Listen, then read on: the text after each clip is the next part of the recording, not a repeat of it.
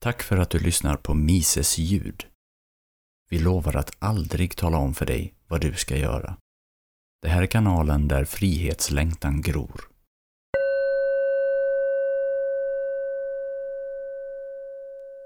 Staten som tar mer än våra pengar. Sverige har en lång historia. Från början var Sverige många små riken som sedan drevs ihop till en nation av Gustav Vasa. Från kungavälde gick landet in i demokrati. Kungaväldet fick ett nytt ansikte med nya anspråk. Steg för steg har anspråken utvecklats. System för system har lagts under statens makt, skola, pensioner, föreningar, medier och partiväsende. Genom bidragen kommer statens värderingar och staten blir ett självspelande piano. I botten på systemet sitter medborgaren.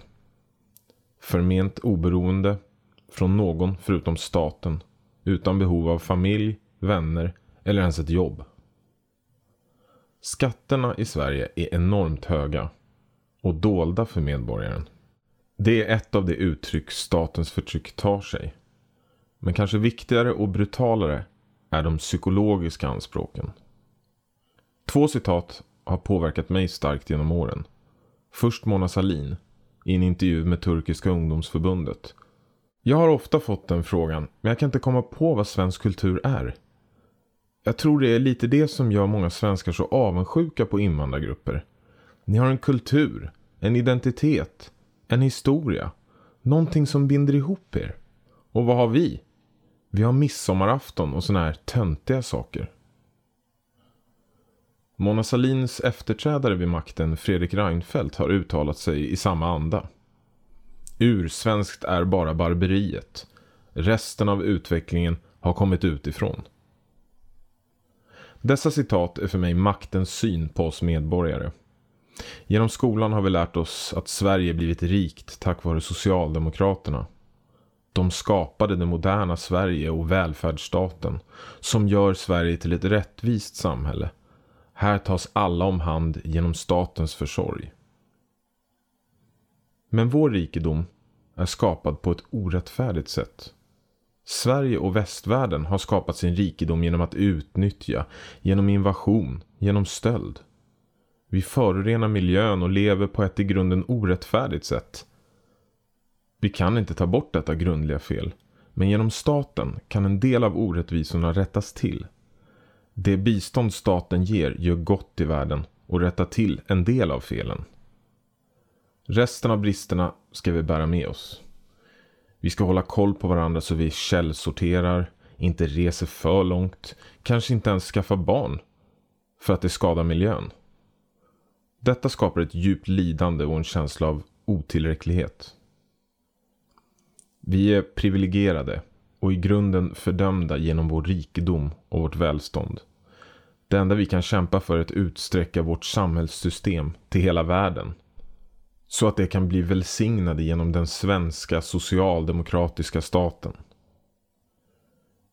Vi alla förväntar oss engagera oss i denna hopplösa kamp och leva med skammen över att det aldrig kommer att gå fullt ut.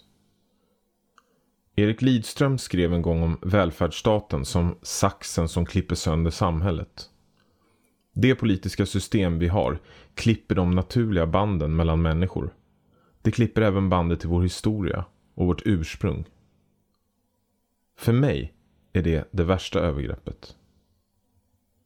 Den moderna svensken har inget ursprung. Vi existerar som i ett vakuum i ett rymdskepp av påstådd rättfärdighet som den svenska välfärdsstaten är. Tino Sanandaji skrev någon gång i sin blogg om ämnet Invandrare byggde inte Sverige. Historierevisionism är ett potent politiskt vapen.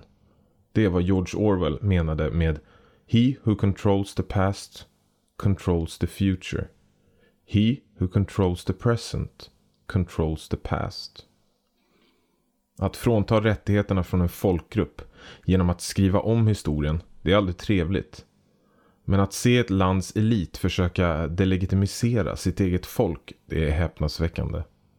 Svenskar är ett folk och många olika folk är ett. Vi har en stolt historia och en fantastisk kultur. Vi har på många sätt varit fria men alltid verkat under förtryck och statens nycker. Statens makt och anspråk har idag blivit fullständiga, övermäktiga. Nu ser vi hur staten krackelerar och lögnen som staten har uppfostrat oss i blir tydlig. Idén om välfärdsstaten är en religion för oss svenskar. När vi inser att Gud inte finns eller kommer att rädda oss känns det tungt. Det är dags att börja en ny resa. Att upptäcka Sverige och oss själva på nytt. Vi svenskar är en del av ett folk, ett stolt folk med en lång historia. Vi har starka värderingar. Vi har byggt ett starkt samhälle trots alla galna infall från kungar och socialdemokrater. Var stolt över ditt ursprung och den du är. Säg nej till de moderna prästernas påbud som idag förmedlas från mediernas upphöjda och dömande position istället som förr från predikstolen. Vi måste bygga upp ett verkligt civilsamhälle utan statens kvävande bidrag och politiska viskanden. Projekt Allmogen är ett projekt som strävar efter att berätta folkets historia. Daniel Sjöberg säger i podden några starka ord som sammanfattar det jag känner. Vi är allmogen. Vi är många. Vi glömmer inte. Vi förlåter inte.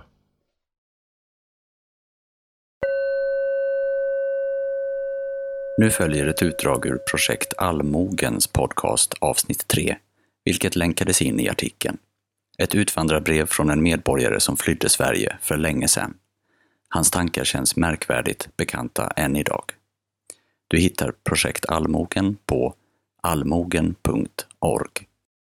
Här kommer det till utvandrarbrev. Det är smålänningen EJT som skriver hem från Ohio och han utvandrade år 1902 från Småland.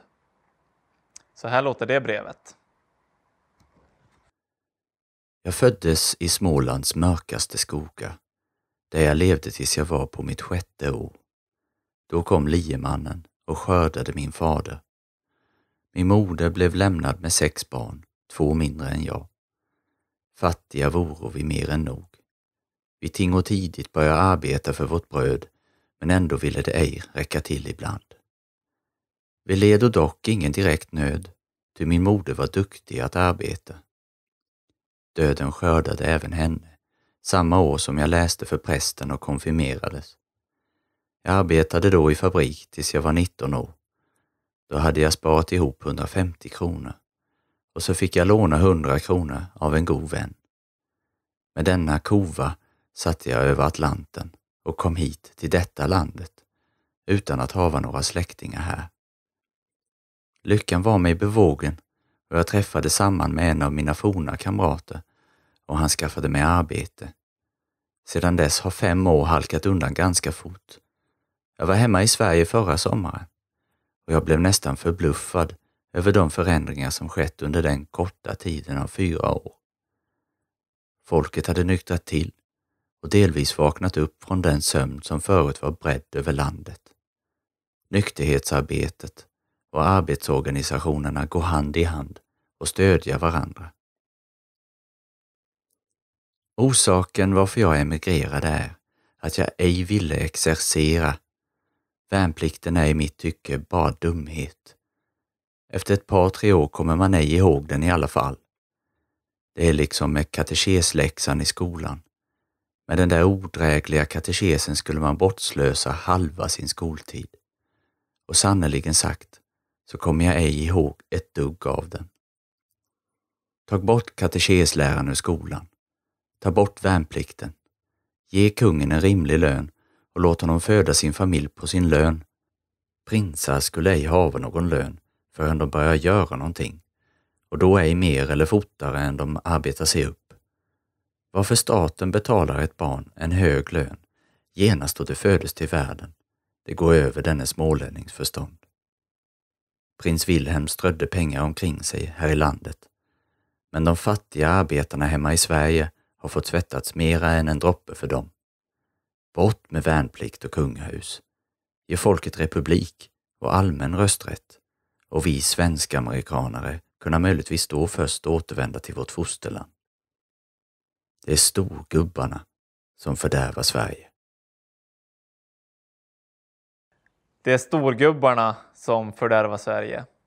Nu har vi gott om storgubbar idag också, eller hur? Och storgummor också för den delen. De här som vill eh, bestämma över oss, som säger åt oss hur vi får tycka, vad vi ska tänka. De som inte kan skapa något eget välstånd utan de lever på frukterna av andras arbete, allmogens arbete. De som eh, tror sig veta bättre än oss själva hur vi ska leva våra liv och hur vi ska spendera våra inkomster. De som vill stöpa oss och våra barn i deras egen form. Ja, om det är någon av er storgubbar och storgummor som lyssnar på det här. Då vill jag säga till er att eh, ni må ändra skepnad genom seklerna. Men eh, vi ser er för vad ni är. Och vilka är vi? Vi är allmogen. Vi är mång. Vi förlåter inte. Vi glömmer inte. Och nu, nu får ni vara nog med dumheten.